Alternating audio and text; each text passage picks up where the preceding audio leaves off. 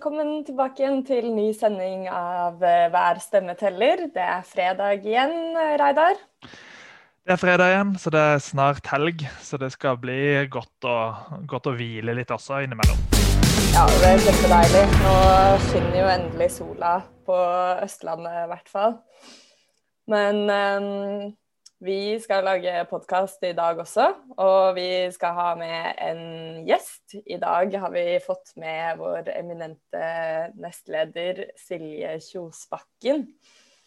Men først så må vi snakke litt om eh, hva som skjer hos oss for tiden, Reidar. Ja. Og ja, vi tenkte jo kanskje aller først da, å si at nå kryper det jo eh, nærmere og nærmere mot sommer, og det er ikke så veldig lenge til 1. mai. En av våre viktigste merkedager. Og jeg syns jo det er skikkelig synd at dette blir år nummer to på rad hvor eh, vi ikke får gått i tog. Ja, det er stusslig. Det er veldig stusslig. For meg så har alltid egentlig 1. mai vært, uh, vært, den store 17. mai, og så har 17. mai vært den lille 17. mai.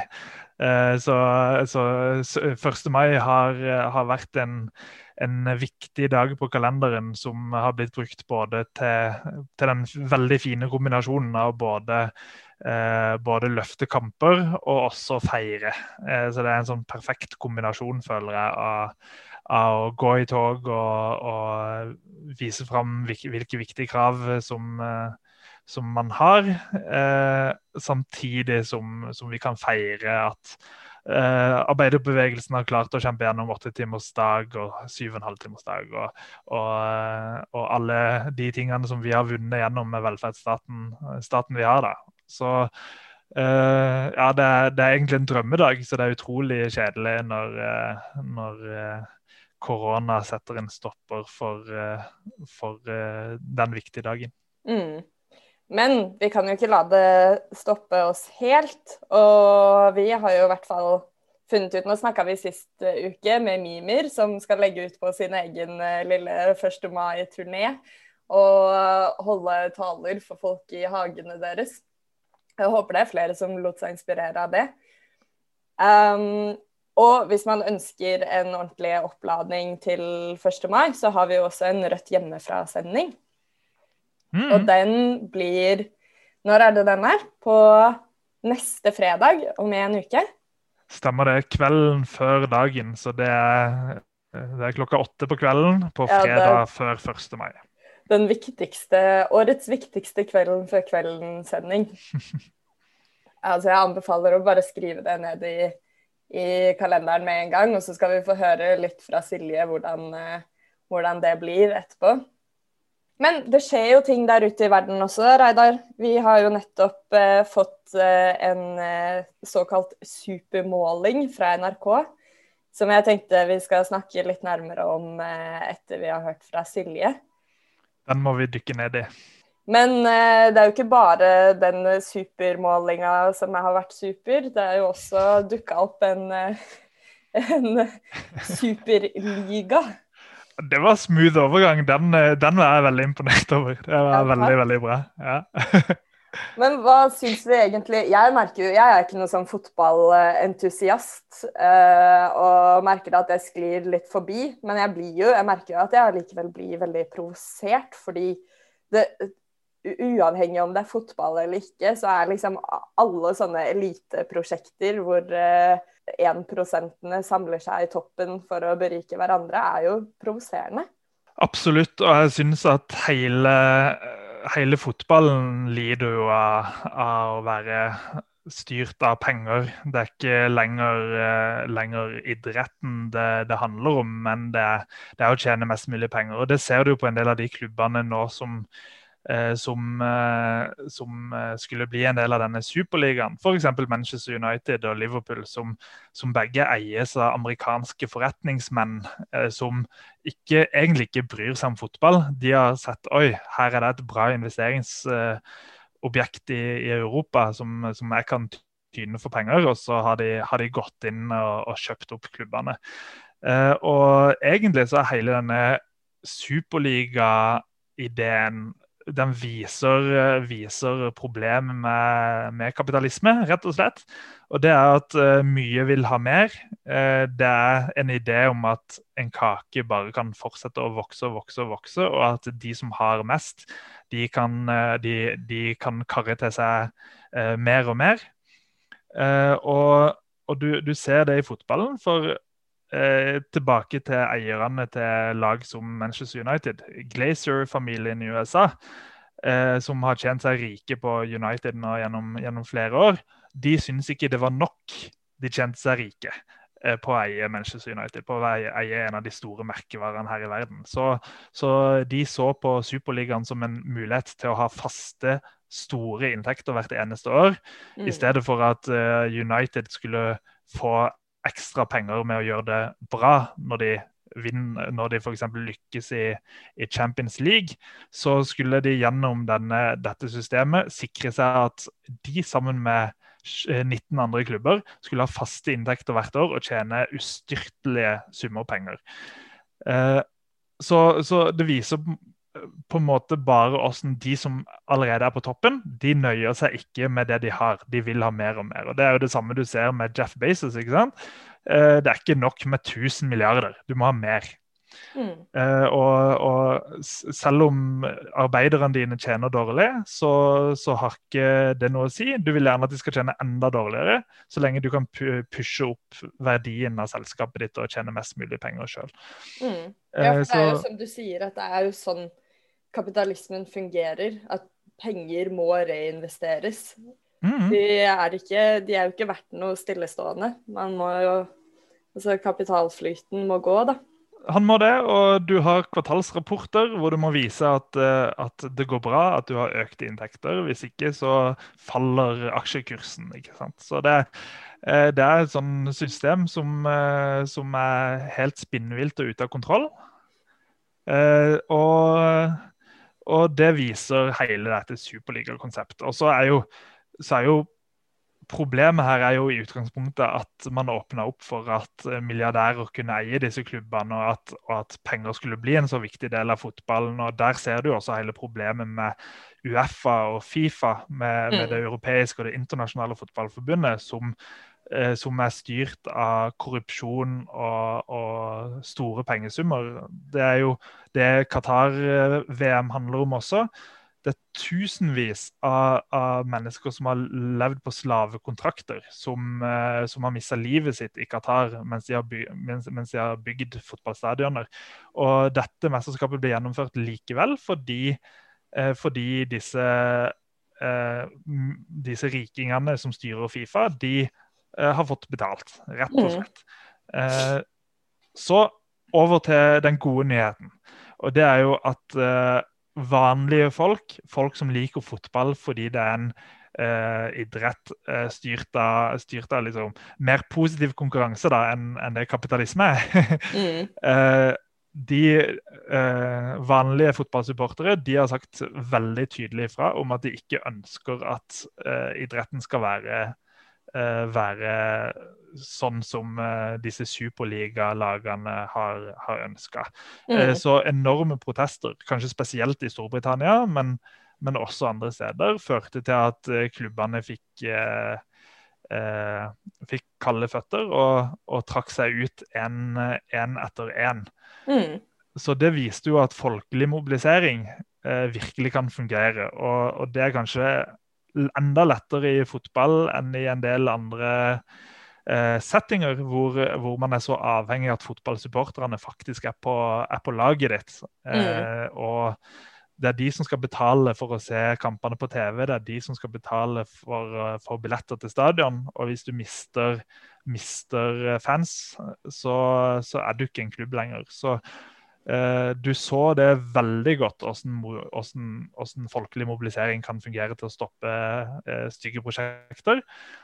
Men ja. så er det jo også litt provoserende at, eh, at, det er så lett å få klubbene til å snu rundt dette med superliga, mens når det er faktiske menneskeliv på spill, som i Qatar, da, så, så skal det strekke denne menneskelige mobiliseringa eh, viktig nok. da. Så vi, vi, har en jobb å gjøre. Men jeg tror og håper at fotballfamilien, at fotballsupportere, har sett at nå har vi reell makt, sånn at mm. man kan fortsette å kreve ting. Og ja, og er det én ting som uh, mobiliserer, mm. nesten på lik linje med politikk her i verden, så er det jo fotball. Ja, det er det. Så eh, på, på godt og vondt. mm. så, men uh, en av de tingene som kan skje i Storbritannia som er spennende nå, det er at, uh, det er at man ønsker å innføre en fotballregel som man har i Tyskland. Og det er at fotballsupporterne til klubben de skal ha mer enn 50% makt i klubben.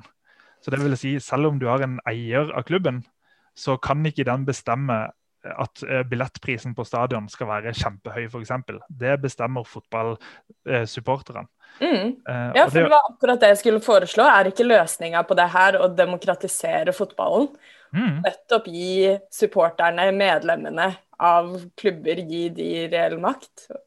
Det er akkurat eh, det som er, som er løsninga. Så er det nok problemer også med det systemet. Og, og, det er ikke alle som er perfekte i Tyskland heller. Men, men eh, et eh, sesongkort i, for å se Bayern München, den største fotballklubben i Tyskland, er mye billigere enn en et sesongkort på en tippeligaklubb i Norge. Mm. Eller Eliteserie, heter det nå. Så, og det er fordi det er supporterne som bestemmer. Eh, og nå diskuteres det eh, som en mulig løsning i, i Storbritannia også å innføre lignende eh, system for å demokratisere idretten. Og da vil aldri whatsoever disse britiske klubbene bli med på et sånn superligaprosjekt i framtida.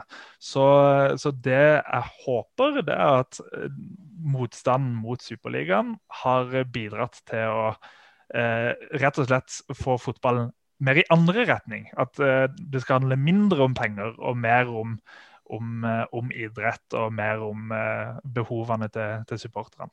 Mm. Ja, absolutt. Nå Reidar, tror jeg vi må hente inn Silje her. Og så skal vi snakke litt mer om super etterpå. Men ikke om superliga, men supermåling. Yes. Hei, Silje. Velkommen hit til podkasten vår. Tusen takk for det, Ingrid. Veldig hyggelig å være her. Ja. ja du pleier vel å være på andre siden, du, i, i, sånne her situasjoner? At det er du som intervjuer? Ja, jeg tenkte akkurat på det, at det var veldig rart å ikke ha et sett med spørsmål foran meg som jeg skulle stille deg. ja, vi snakka om det nå akkurat, eh, jeg og Reidar, at uh, nå er det jo ikke lenge til 1. mai. Og der har vi planer om en 1. mai Rødt hjemmefra-sending. Ja, det er uh, neste fredag om en uke. Så da blir det kvelden før dagen. Er det du eh, som skal lede sendinga, eller? Ja. Det er uh, jeg som har blitt programleder for Rødt hjemmefra, så det er veldig spennende. Det må dere få med dere. Ja. Er det noe du kan røpe fra programmet? Jeg får jo en veldig fin hovedgjest. Stine Vestrum, Eh, som er fra Fagforbundet, som også står på eh, lista på Rødt i Oslo på, til stortingsvalget. Ja. Um, og så har jeg snakket med Hanna Berg, mm. blant annet, som er førstekandidat i Østfold. I det som har blitt vår faste spalte 'Bli bedre kjent med kandidaten'. Ja. Og så skal vi jo snakke litt om valgkamp. Men um, resten røper jeg ikke foreløpig. Dere får uh, titte innom uh, neste fredag. Ja. ja, jeg gleder meg masse. Men Silje, du er jo med her nå også som en bli bedre kjent med kandidaten-gjest. For du står jo også på, på stortingsvalgliste. Det gjør jeg. Jeg står på andreplass um, for Akershus. Mm. Um, så det er veldig gøy. Og så har jeg en del ansvar for selve valgkampen i Akershus, da. Så det er veldig gøy å jobbe med. Jeg har jo vokst opp i Akershus. Mm. Først i Follo-området, og så um, nå i voksen alder i, um, på Romerike. Så jeg føler at jeg kjenner Akershus veldig godt. I tillegg så var jeg jo også førstekandidat i 2017 da, i stortingsvalget da, så da var det jo også litt ekstra reising og blei kjent med lag og, og organisasjonen og eh, det politiske landskapet litt da også. Mm. Veldig gøy. Ja, for det begynner vel å bli en del lag i Akershus nå? Ja, eh, vi ser at vi, vi, vokser og vi har stort potensial både til å gjøre en kjempegod valgkamp og til å gjøre et veldig godt valg. Nå kom det jo en måling eh, NRK hadde en sånn de kaller supermåling, eh, mm. som viser at eh, vi faktisk har mulighet til eh, Eller den, den målinga viser at eh, vi har et direktemandat innenfor Akershus, da. Mm. Og det er jo da førstekandidat og eh, første nestleder Marie Sneve Martinussen. Så det blir veldig, veldig gøy. Ja. Er det sånn eh, Må du drive med litt sånn Akershus-opplæring av Marie, eller?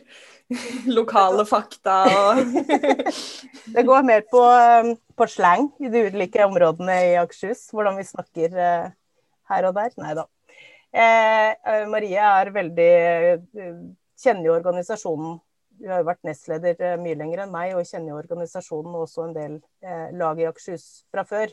Mm. Eh, så jeg tror det heller handler om at vi spiller litt på hverandre, og at hun har med seg mye av den kunnskapen hun har politisk fra før, mens jeg kanskje kjenner litt eh, de geografiske områdene og litt Akershus sånn sett, da. Ja, for hvordan eh, For deg som eh, er fra Akershus og har bodd eh, store deler av livet der, hvordan er Viken? Hva, hva føler du rundt det? Jeg orker ikke å tenke på det engang.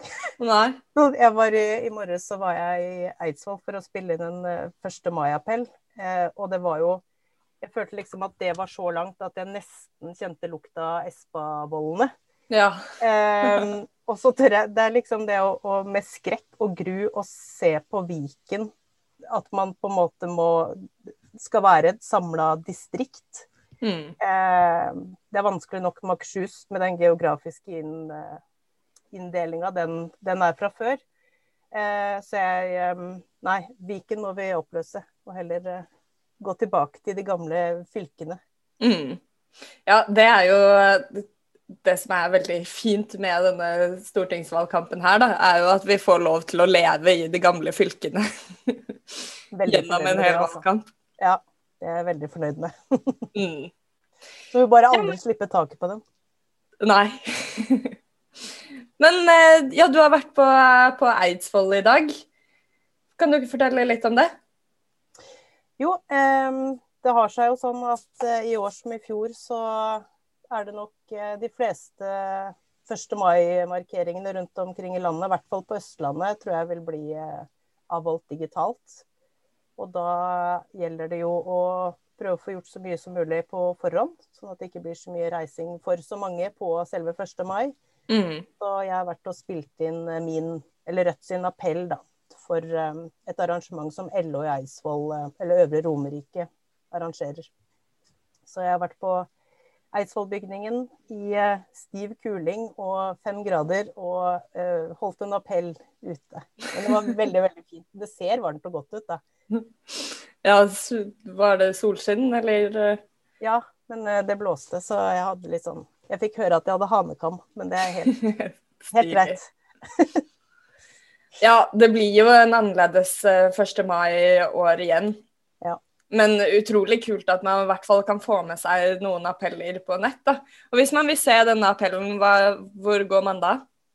Den eh, blir lagt ut på LO eh, Øvre Romerike sin Facebook-side. Og så har de en nettside også hvor den blir lagt ut, tror jeg. Og så vil vi også få eh, tilgang på min appell, da, hvert fall, som jeg kommer til å dele på min Facebook-side. Kult. Jeg gleder meg. Jeg gleder meg til å se. Men du Silje, vi må jo snakke litt om, eh, som med alle de andre kandidatene, om eh, bakgrunnen din og din eh, vei inn i Rødt. Jeg tror jo det er en, en kjent historie for mange, men eh, vi tar den allikevel. Kan ikke du fortelle om hvordan har du endt opp med å bli nestleder i Rødt? Ja, det var en bratt læringskurve. ja.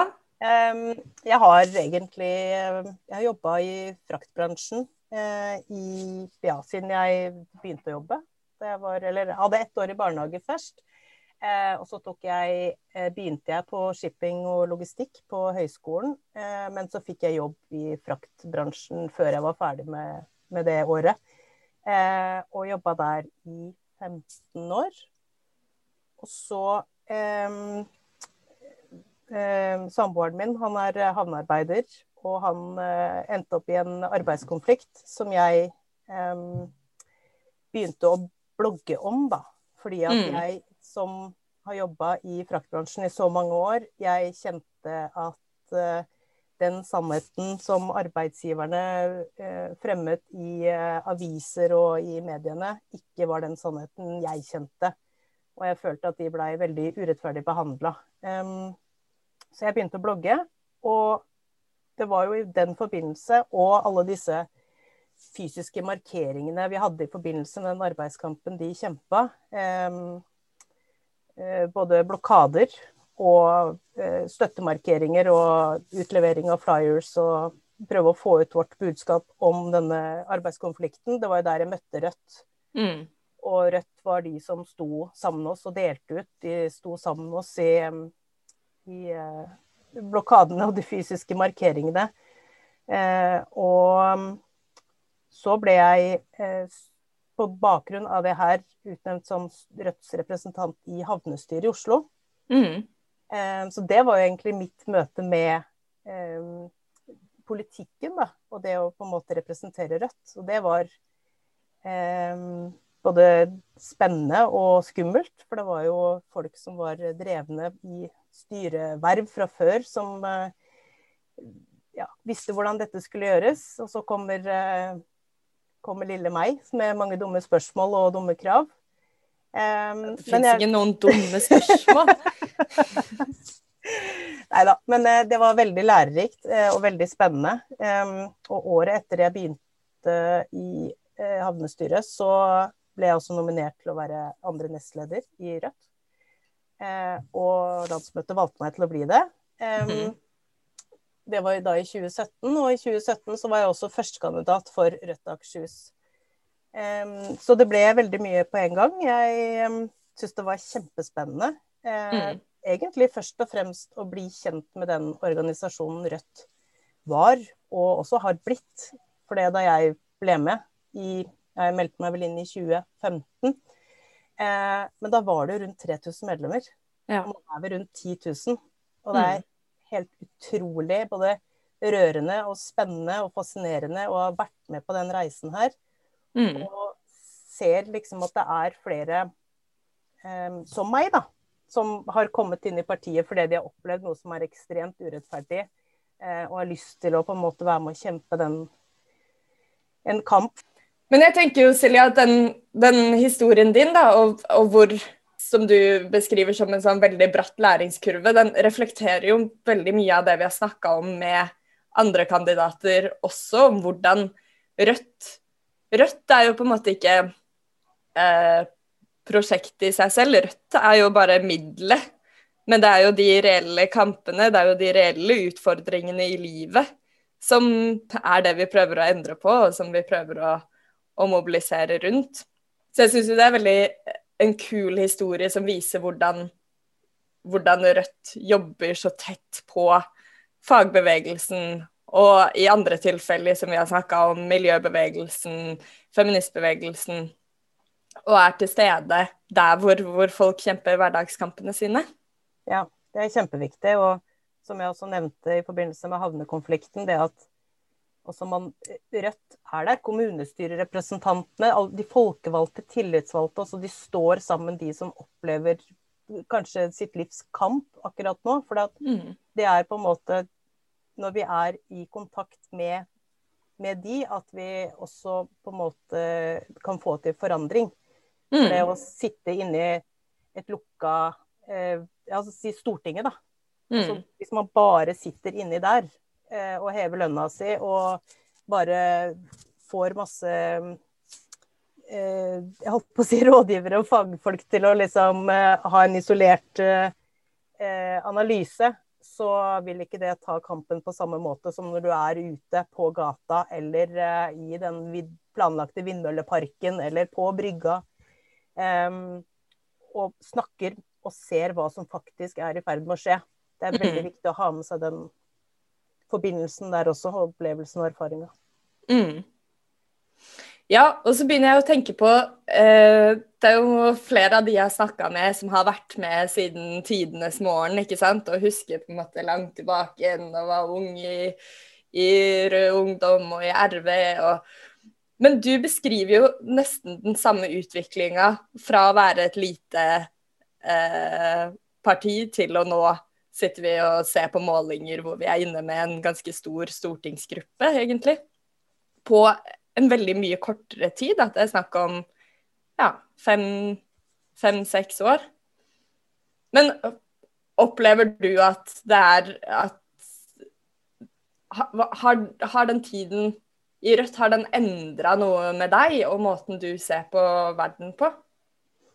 Absolutt. Jeg har nok hatt mange av de Jeg har nok hatt kampen i meg hele tida. For det handler jo om ønsket om rettferdighet og et mm. rettferdig samfunn.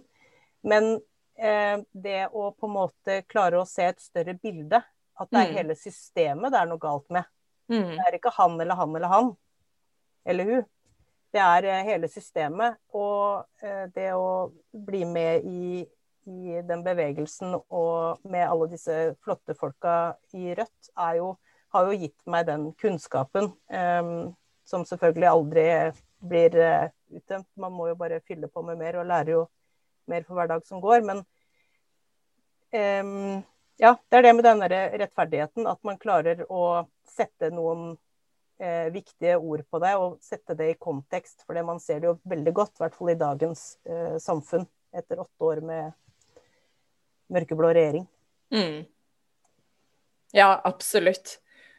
Og det å se at, ja, som du sier, da, systemet, at det er de samme mekanismene som, som virker inn på så mange utrolig ulike felter, da. Altså du ser det samme i, i eh, en arbeiderkamp som du kan se i miljøsaken, eller vi snakka i stad med Reidar om eh, denne superligaen i fotballen. Altså mm. Man får et slags sånn et rammeverk da, for å fortolke verden rundt seg. Ja. Og det det er, også litt sånn at man må tørre å snakke om de tinga. Mm. Eh, det handler vel litt om at jeg ikke Jeg har jo ikke noe politisk bakgrunn. Jeg har bare synsa ting i sofaen eh, foran eh, nyhetene eh, før jeg ble aktiv i Rødt. Men det å på en måte tørre å liksom kalle det for det det er, kapitalismen, mm. snakke om den, spre kunnskap om den som ikke er med for store ord. Mm. Og på en måte bryte det ned til det du sa, arbeidskampen, miljøkampen. Alle disse små kampene har, kommer derfra. Mm. Ja, det gjør det. Men nå går vi jo en uh, ordentlig valgkamp i møte. Veldig spennende, altså. Har du noe sånn, har du et, uh, det beste valgkampminnet? Å, det være? Sånn fra tidligere år? Mm. Ja, det er veldig, veldig vanskelig. Ja, eller i år, da. Men jeg tror jo kanskje ikke det er i år uh, hittil som har vært det beste valgkamputgangspunktet. Nei, det kan være sant. Nei, vet du hva. Um, det eh, klarer jeg ikke helt å sette fingeren på. Men jeg, jeg husker liksom eh, Ikke nødvendigvis om det var det beste, men det var det kanskje det rareste. Eh, mm. Hvor jeg skulle inn i min første debatt, og blei satt da i debatt altså i, i Akershus som førstekandidat 2017. Eh, og du hadde alle disse politikerne du har sett på på TV. Mm. Um, Anniken Huitfeldt, eh, Limi fra Frp, Abid Raja, Wilkinson um, Flere av disse kjente. Eh, og det var litt da jeg liksom innså eh, at de har vært der jeg har vært en gang. Mm. Um, og jeg håper at alle kandidatene våre også, om de er uh, erfarne eller ikke, på en måte klarer å se det på den måten, at alle har vært nye en gang. Um, mm. Og det at når man har et publikum og debatterer foran et publikum, så er det viktig å snakke om egne erfaringer og eh, egne opplevelser med egne ord istedenfor. For at jeg husker eh, der jeg på en måte datt ut i den debatten, var da alle disse stortingspolitikerne begynte å snakke om eh, tidligere rapporter og utredninger som var gjort med bare masse tall. Og så ja. Mannen i gata bryr seg ikke daten om det. Han vil mm. vite hvorfor vi har ulike mener om et tema som kommer til å påvirke han. Um, så det er på en måte kanskje et av mine sånn avgjørende eller viktige uh, minner, da. Mm. Jeg kan si det på den måten. Ellers er jeg jo selvfølgelig å ha blitt kjent med veldig mange lag da, når man har reist rundt og deltatt i debatter og delt ut flyers og mm. sett mange fine steder. Ja. ja. men jeg tror det er kjempeviktig å huske på at, at det er en læringskurve, og at det det er en tilvenningssak også, det å, å skulle gå ut der med meningene sine og, og ta plass, da. Ja. Og jeg husker jo, Det var jo det jeg har litt lyst til å spørre deg om, Silje. fordi nå er det mange i Rødt som kommer til å måtte skal drive valgkamp fremover. Og da må man jo gjerne dele av seg selv, ikke sant. Og inntil videre så er det jo ikke sånn at vi kan gå ut og stå på gata, men vi må bruke andre, andre midler. Vi må bruke video, vi må bruke sosiale medier. Og for mange kan det jo være litt sånn ubehagelig, det der med å skulle vise seg frem eller filme seg selv eller noe sånt. Og det vet jeg jo at du også har kjent på, men eh, nå er du programleder i Rødt hjemmefra-sendinger og ja, sitter i debatter og alt mulig. Så du, hva er din erfaring? Har du noen tips til folk hvis man blir litt usikker? Å, skal jeg dele dette, liksom? Nei, altså, det er jo ganske ironisk, for som du sier, så liker ikke jeg det med meg sjøl. Altså, jeg, mm. jeg syns liksom det er ubehagelig um, å være foran kamera. Um, men um, jeg syns jo det er kjempegøy når alle andre gjør det. Mm. For å liksom se hva de gjør og Nei, er det sånn hun ser ut i dag, liksom? Bare sånn eh, Det er veldig gøy. Det er mm. personlig. men jeg merka i dag etter den appellen jeg holdt, for der ble jeg jo filma og måtte se rett inn i kamera. Og det har på en måte vært min skrekk før, i hvert fall når jeg liksom skulle snakket. Mm. Eh, og holde på en måte fokuset inn i kamera. Eh, og syns det sikkert fortsatt er ubehagelig, men det var mye lettere. Og jeg lurer på om det kan ha noe med at vi har hatt hjemmekontor i et år og på en måte er så vant til å se oss sjøl på skjermen nå, og liksom prøver å fokusere for å se inn i, inn i linsa og eh, sånne ting. Men um, eh, ja, ja, men helt sikkert. Vi hører jo så veldig mye om den derre eh, Hva kaller de det? At, at man eh, En eller annen sånn effekt av det å sitte og stirre på seg selv på skjerm. Men man kan jo tenke på det som en øving også, da. På det å være foran kamera. Jeg tror for min del at det har vært det, og også det at jeg har hatt flere Rødt hjemmefra-sendinger faktisk hjemmefra. Mm. Eh, og må Eh, på en måte stole mer på meg sjøl at jeg også klarer å gjennomføre det. Um, mm. Selvfølgelig har jeg hjelp både på chat og på øret, men, men at um, da har jeg ikke noen som står og liksom viser tommel opp bak, uh, bak kamera eller uh, sånn lenger. Um, så det er noe med det å bare liksom stole på seg sjøl og magefølelsen også. Så, og jeg har også blitt bedre på å dele selfies i Det er, det er veldig kult. Ja, men du Silje, nå tror jeg vi skal begynne å, å runde av. Men jeg lurer på, har du noe, noe, siste du ønsker å si til enten de som vet at de skal stemme Rødt, eller de som kanskje vurderer å stemme Rødt? Hvorfor skal de gjøre det? De bør stemme på Rødt hvis de vil ha et parti som eh, alltid eh, vil være på deres side. Jeg regner med at eh, vi ikke appellerer til eh, arbeidsgivere og eh, kapitalistene, eh, men arbeidsfolk og de som ja, f.eks. de som Særlig de som siste året har vist hvor viktig det er med arbeidsfolk som faktisk holder Norge i gang. Være seg lærere, helsepersonell på sykehus, sjåfører eh, renholdere. Um, og det er vi som tar kampen fra, som vi snakka om tidligere, fra den eh, arbeidskonflikten i havna eller fra den vindmølleparken som er planlagt bygd. um, tar det inn i de organene som kan faktisk få stoppet det. Um, men da er vi også avhengig av at vi blir uh, store nok til å være mange nok til å um, få flertall for uh, den uh, politikken vi ønsker å ha for å gjøre Norge til et bedre samfunn med mindre forskjeller. Så vi har sett spesielt gjennom siste året, men også uavhengig av den mørkeblå regjeringa, egentlig, men også med den forrige rød-grønne regjeringa, at forskjellene har økt. Mm. Og det må vi få stoppa asap. Mm. Ja, det må vi. Det er akkurat det vi må. Mm.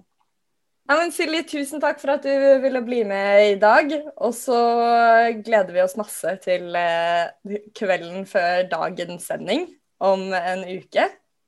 Og den ser man på Rødt sin Facebook-side? Ja, eller YouTube. Vi sender ut linker eh, på Facebook-sida vår i, i, forkant. Det er supert. Klokka åtte. Så det er bare å sette The Voice på opptak, og heller se på Rødt hjemmefra. Så kan du se på The Voice på søndag. Veldig smart. OK, da må du ha en fin dag videre. Takk det samme, Ingrid. Det var uh, intervjuet vårt med Silje Kjosbakken, andre kandidat for uh, Akershus og nestleder i partiet vårt. Og Reidar, vi har jo snakka litt om uh, sjansene i Akershus før, da vi hadde Marie på besøk, som står på førsteplass.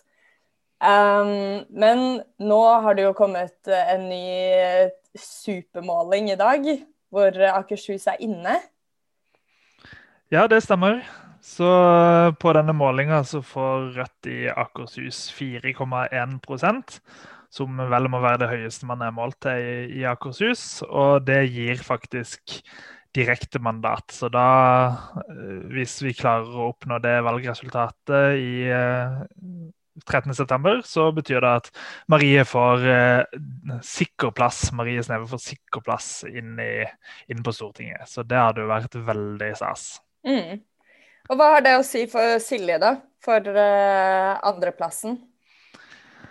For å få to inn i Akershus, så må man nok eh, en del opp eh, fra, fra, denne målinga. Så det, det, skal nok litt til at, eh, at Silje skal, skal, inn på Stortinget, hun også. Men uh, ingenting er umulig, spesielt når man tenker på, på utjevningsmandat. Men uh, også da må, må, Rødt løfte seg ganske betraktelig i, i Akershus. Mm. Uh, men for å, for, å, komme tilbake til fotball, så var jo måten Ole Gunnar Solskjær ble kjent på i, i Manchester United, det var jo at han var en superinnbytter. Så det betyr jo at hvis Marie av en eller annen grunn må sykemelde seg eller melde forfall av andre grunner, så er det jo eh, Silje som stepper opp. Og det å, det å, ha noen som er så ramme som hun, eh, som kan stille opp eh, hvis, hvis, Marie må ta en pause, så er jo det helt fantastisk. Og det å ha noen som har den bakgrunnen som Silje har, og den erfaringa fra hva det vil si med, med med Bryggesjauerstriden i, i eh, Oslo havn osv. er vel, veldig verdifull erfaring å ha inn på, inn på Stortinget. Så eh, ingen grunn til å, til å hvile på laurbæra i, i, Akershus. Nå må vi gjøre alt vi kan for å få til et rekordvalg der. Mm. Og plutselig så, så, får vi et utjevningsmandat der også, men da da skal det jobbes hardt i Akershus. Mm. Ja, men det tror jeg de er klare for. Ja, Det tror jeg også, men Akershus er jo et vanskelig fylke. og Vi har vel kanskje snakka om det før også. Det er, det er, jo veldig rart, fordi det er liksom delt i to, nord og sør for, eh, for uh, Oslo. Mm. Uh, og, og, det er veldig få som kjenner tilhørighet til, til fylket eller distriktet. da. Uh, så uh, det har alltid vært vanskelig å organisere seg på fylkesnivå eller distriktsnivå som det er nå, ja. Og ha en ordentlig organisasjon. Men, men nå, nå, har de ganske kontroll på denne valgkampen, og det er flere lokallag enn noensinne i Akershus. Og de har veldig mange kommunestyrerepresentanter i de ulike kommunene. Så vi, vi er, har en annen situasjon i Akershus enn det man har hatt før. Mm. Ja, og et delt eh, fylke, eller valgdistrikt, da, på samme måte som Oslo. Det er stor forskjell på øst og vest. Det er jo det. Uh, og det er veldig stor forskjell. Altså, du har jo Bærum som uh, f.eks., hvor, uh, hvor veldig mange har god råd. Samtidig så har du deler av Bærum hvor det er skikkelig arbeiderklassebosettinger. Så det gjelder jo å, å nå ut til, til, de velgerne som, uh, som deler interesser med Rødt. Og mm. det er heldigvis mange av de i Akershus. Men Akershus er også sånn demografisk et mer utfordrende uh, område enn f.eks. østkanten i Oslo. Da. Men, uh, men uh, at det finnes mange der som tenker på å stemme Rødt, det er jeg ikke i tvil om.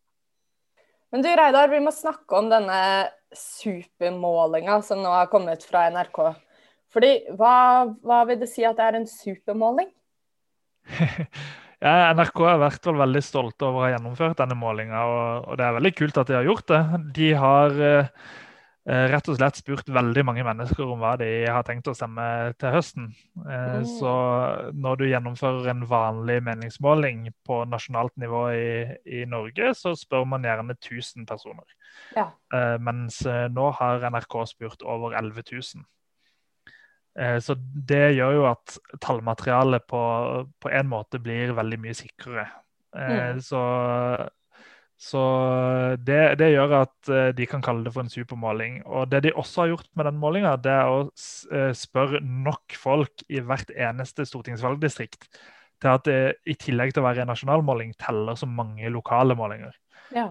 Så nå har vi plutselig fått, uh, fått en uh, ny måling i hvert eneste stortingsvalgdistrikt. Så det uh, har jo vært veldig spennende å følge med på for nerder sånn som meg sjøl. Mm.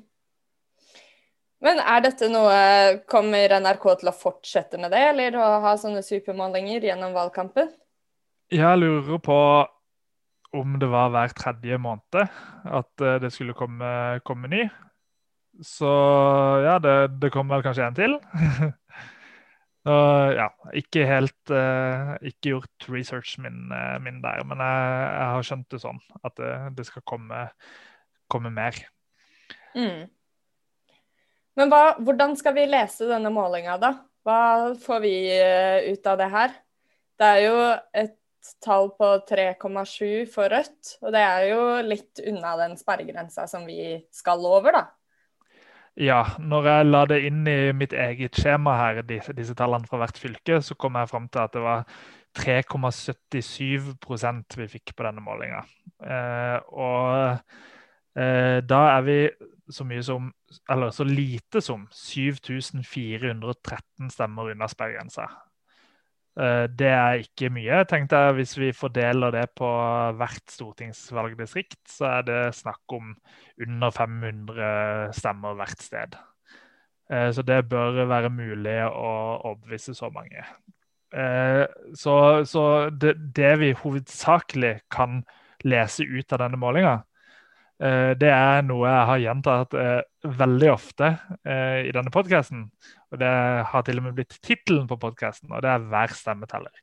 For, og det, det, er litt skummelt å være Rødt, Rødt-velger og Rødt-aktivist og Rødt-medlem nå, fordi vi ligger så nærme sperregrensa. Stort sett så ligger vi over sperregrensa på, på snittet av målingene. Men vi ligger så nærme sperregrensa, enten på plussida eller minussida, at det er virkelig ikke et sekund å hvile. Altså. Det er ingen grunn til å hvile. Vi har, eh, vi har eh, en stor jobb foran oss for å havne på, på den oppsida.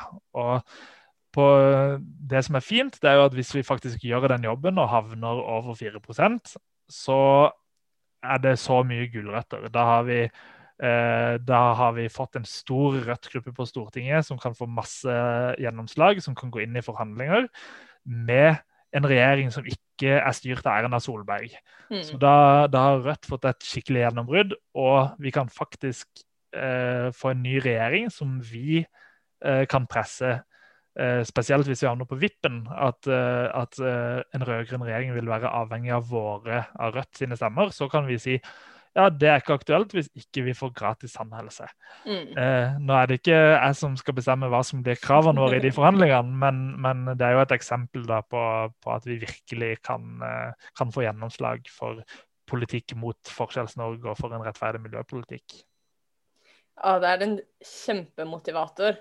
Altså, jeg ser på den målinga med bare så stor optimisme. Vi har fortsatt mye, vi har mye tid.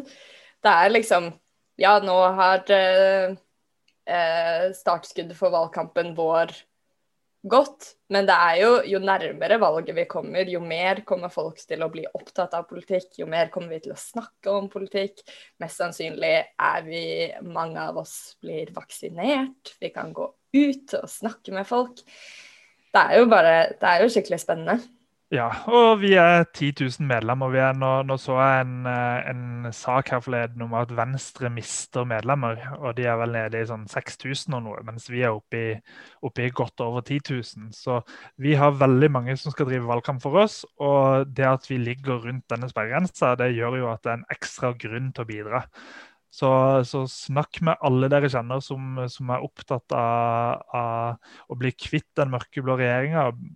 At eh, vi må få, få skikkelig endring i, også i politikken. At vi må få en ny kurs. Få de til å engasjere seg og snakke med vennene sine igjen. Eh, og få de til å stemme, stemme Rødt. Og så uh, ga jo denne målinga Rødt 3,7 nasjonalt. Uh, men, men, man kan gå inn og se på de tallene. Og, og det er ikke alt som uh, Det er noen ting man kan ta med en liten klype salt i den målinga. Nå diskuterer vi det litt på, på kontor og, på Rødt-kontoret. og Uh, Jokke, som uh, kanskje er mer tallekspert enn en det er, vi, vi driver og diskuterer litt og er, er litt uenige. For Uh, I Oslo så, så, ga den målinga oss uh, et veldig uh, dårlig resultat til å være Oslo. I forrige lokalvalg i 2019 så fikk vi 7,2% i Oslo. Mm. Hvis det hadde vært resultatet også i denne målinga, så hadde vi fått 4,001% Så vi hadde akkurat vært over sperregrensa med 7,2% i Oslo.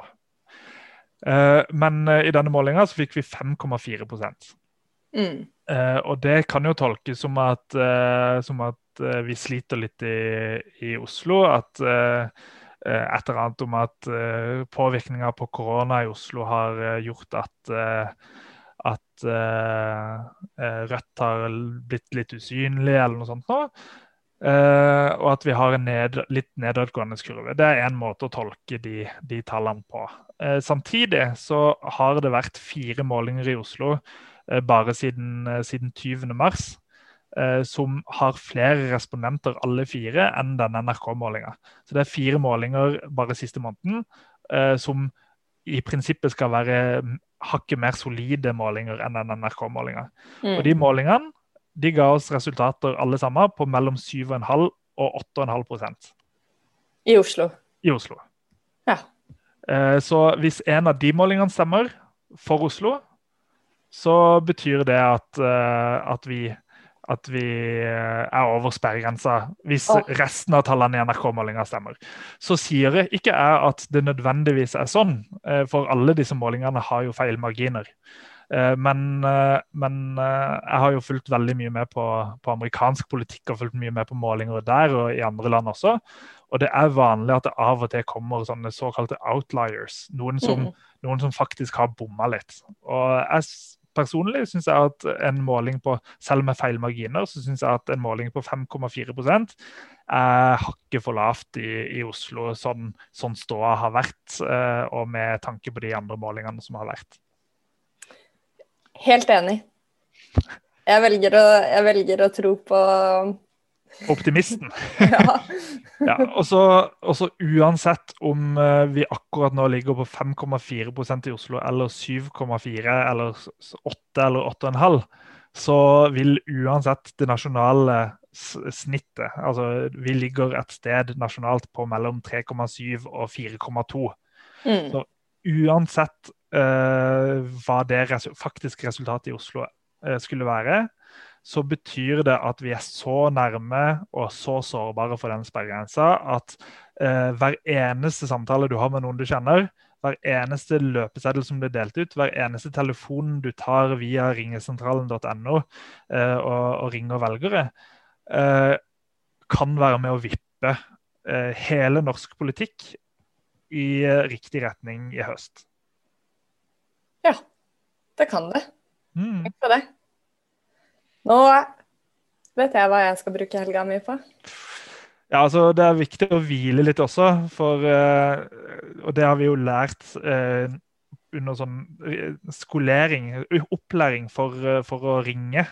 Det er, det er, mm. viktig å være, være blid når du ringer. Du hvis, du, hvis, du, smiler for deg sjøl når du tar en telefon, så høres du også gladere ut. Mm. Uh, og hvis man er fullstendig utslitt fordi man bruker hele helga uh, på, på, valgkamp allerede nå, så, så, er det vanskelig å høres glad ut på telefonen. Så du må klare å finne balansen. Du må klare å ha nok hvile, men også bruke nok krefter til at, uh, til at vi kommer i mål. Det var en veldig god oppfordring, Reidar. Og nå skal jeg i hvert fall smile meg ut av denne sendinga og inn i helga. Veldig bra. For nå tror jeg folk har fått den, eh, den oppsummeringa de har ønska seg. Eller vi har ønsket og gitt de. og så snakkes vi igjen i neste uke. Det gjør vi. Så da, får vi håpe at det kommer enda flere gode målinger innen den tid. Ja, det håper jeg på. Og jeg håper at alle sammen også, nok en gang, må nevne det en gang til, har notert seg ned den kvelden før dagens sendinga hvor man kan få høre mer fra bl.a. Silje. Fredag 30. april klokka 20.00. Rødt.no slash hjemmefra, eller på Rødt sin Facebook.